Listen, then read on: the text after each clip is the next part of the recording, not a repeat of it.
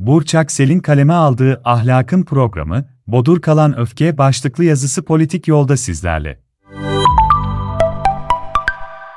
Ekranların en çok izlenen kanallarından birinde yayınlanan, üstelik de yoğun bir ilgiyle takip edilen bir programda genç bir kadına yapılanlar, bu tarz programların geneline dair içerimizde bu zamana kadar hapsettiğimiz öfkenin patlamasına neden oldu.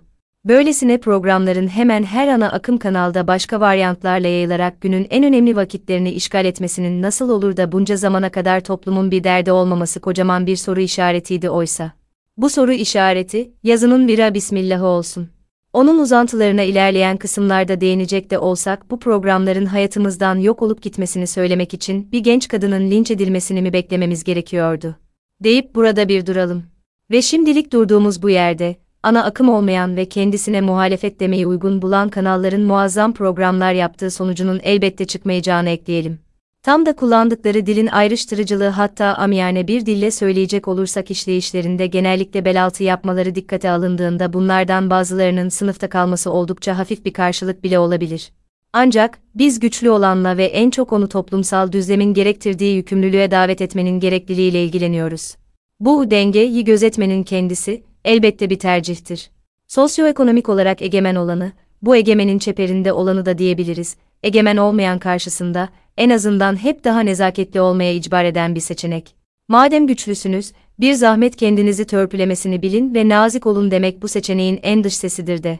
Çubuğu tam da bu düzlemde hep egemen olmayandan doğru ve egemenin tersinden bükmek, seçtiğimiz tutumun ve aslında hayalini kurduğumuz hayatın bir gereğidir hasılı.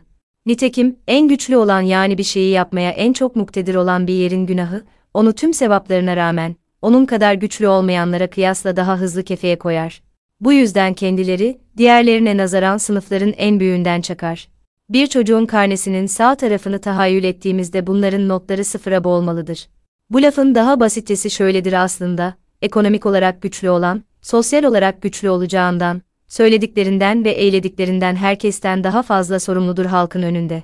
Örneğin, bu olan daha küçük bir televizyon kanalında zuhur etseydi, eleştirimizin içerinin baki kalması bir yana bu kadar ses çıkarmaya lüzum görmezdik. Ama öyle olmadı. En büyük kanalların birinde, yaptığı işe kız çocuklarını kötülüklerden esirgemek gibi, ulvi bir anlam yüklemekten geri durmayan ve uğruna milyonları ekran başına oturtan ünlü bir sima, tam da kudretli dediğimiz kesime yakınlığının da verdiği tutarlılığın bir gereği olarak, programına katılan birinin kameraya yüzünü göstermemek ve konuşmamak iradesini yok saydı.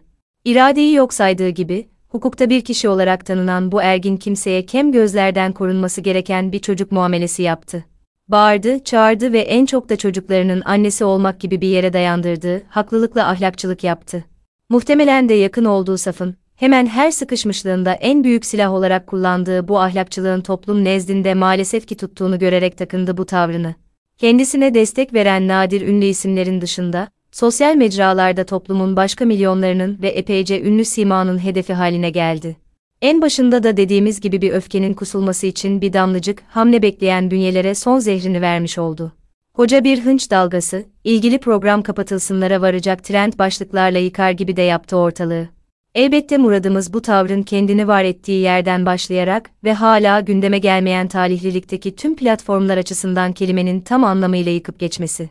Ancak şimdilik, sesi zaman zaman çok gürleşen bu tepkinin ilgili kimseye birkaç, kuru ve günün sonunda kendini haklı gören yerden açıklama yaptırtacak kadar bir karşılık bulması oldukça anlamlı. Ancak kafi değildir.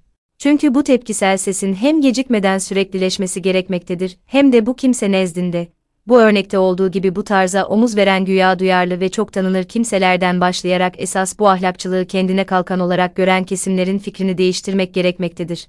Örneğin bloklaşmanın her taraf açısından şiar edinildiği toplumumuzda, temel toplumsal değerlerimize yeniden eğilmek, fena bir fikir olmayabilir.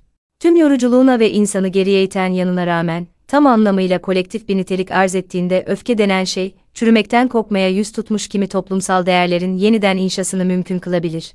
Aksi takdirde, bölüne bölüne paramparça olan toplum, öfkeden beslenen ve sorusu, cevabı, yorumu, ahlak değerleri, aile yapısı, siyasası, ekonomik programı ve akla gelmeyen hemen her şeyiyle tam olarak saatli bombaya dönüşür.